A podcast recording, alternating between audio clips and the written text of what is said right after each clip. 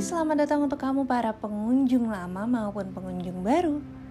Um, Sebenarnya aku udah lama banget gak buat podcast dan kali ini aku kembali untuk membahas tentang patah hati. Usiaku belum sampai seperempat abad saat aku merekam ini. Tapi pengalaman patah hatiku rasanya sudah luar biasa. Kadang aku bertanya-tanya, patah hati orang lain itu seperti apa? Apakah sama luar biasanya dari yang aku rasakan, atau lebih dari itu? Tapi, bukankah patah hati pada intinya tetap tentang patah? Tidak ada yang lebih atau kurang. Patah ya tetap saja patah. Jika diibaratkan dengan batang pohon atau tangkai bunga, ketika batang atau tangkai tersebut patah, maka ia akan jatuh. Tapi semesta tidak sejahat itu. Saat batang atau tangkai tersebut jatuh, maka ia akan melebur bersama tanah. Ia akan tumbuh kembali bersama tumbuhan lain yang lahir di atasnya.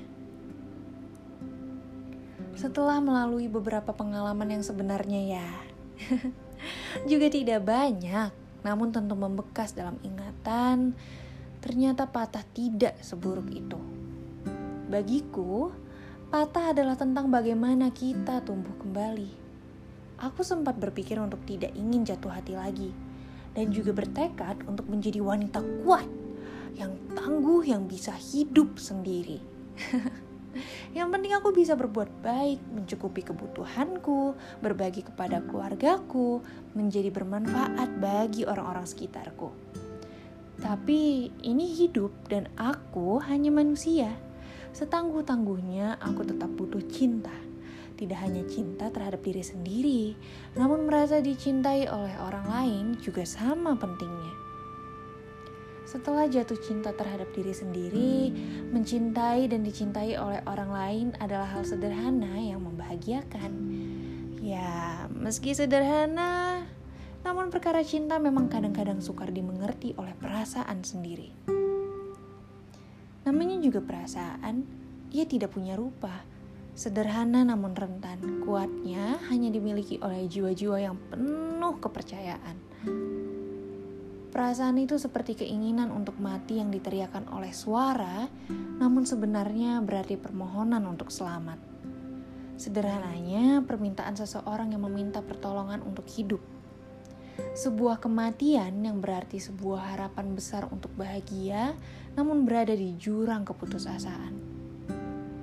Patah hati tidak hanya perkara cinta yang gagal, ia juga bisa jadi alasan untuk segala kegagalan. Mimpi yang tidak bisa dicapai, misalnya, bukan bukan karena mimpi itu tidak dapat diusahakan terus-menerus, tapi karena mimpi itu memang harus direlakan. Dunia penuh sekali dengan lika, liku, rupa, luka. Ada banyak sekali hal-hal yang memang tidak bisa kita capai meski diusahakan mati-matian beribu kali. Ya, karena memang bukan jalannya. Namun usaha itu juga bukan berarti sia-sia. Lagi-lagi kita dipatahkan untuk tumbuh kembali. Entah bersama mawar merah dan delion yang menyebar di udara, atau anyelir yang selalu berkawan dengan embun pagi. Semoga kita bisa tumbuh kembali bersama hal-hal indah yang memberi harum pada semesta. Setidaknya, anggap itu kenangan yang akan kita ciptakan untuk masa depan nanti. Meski harus patah berkali-kali terlebih dahulu, tidak apa-apa. Semesta dan Tuhan punya cara untuk membuat kita belajar bahwa yang indah kadang-kadang memang harus didapatkan dengan sekarat. Untuk kamu yang udah mendengar sampai sini, terima kasih. Bahagia selalu.